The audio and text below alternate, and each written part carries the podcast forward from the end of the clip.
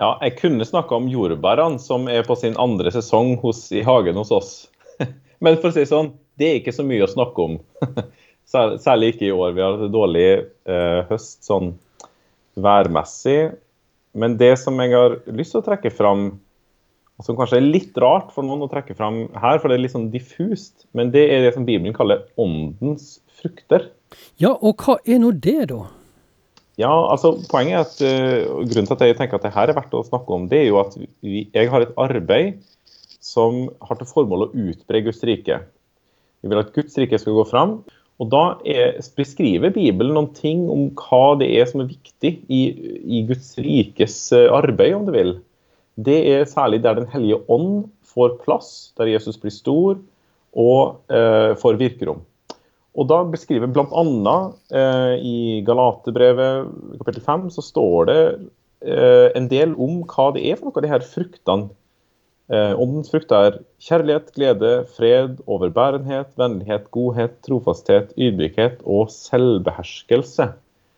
Veldig ofte når vi snakker i vårt kristent arbeid om suksess og ting som går bra, og hvordan går det egentlig i det kristne arbeidet og sånn, så er det selv om vi kanskje vet at det ikke handler om det, så er det veldig ofte likevel at vi snakker om de ytre tingene. Vi snakker om hvor mye penger som har kommet inn, vi snakker om hvor mange som kom på møtet.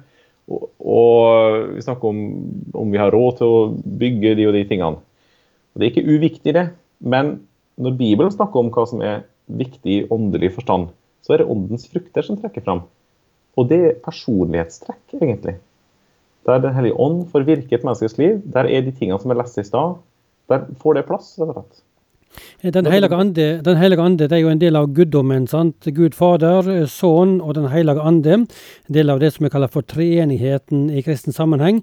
Og, og, så denne hellige ande ble sendt til jord som talsmann som skal vise oss hvem Jesus er, og, og preger altså de kristne sitt liv. Hvordan eh, skjer dette her, da? Nei, Det er jo det som er litt sånn underfullt. Men det er jo nettopp det, som det siste som du sa der. Prege de kristnes liv. Hva er det som preger de kristnes liv?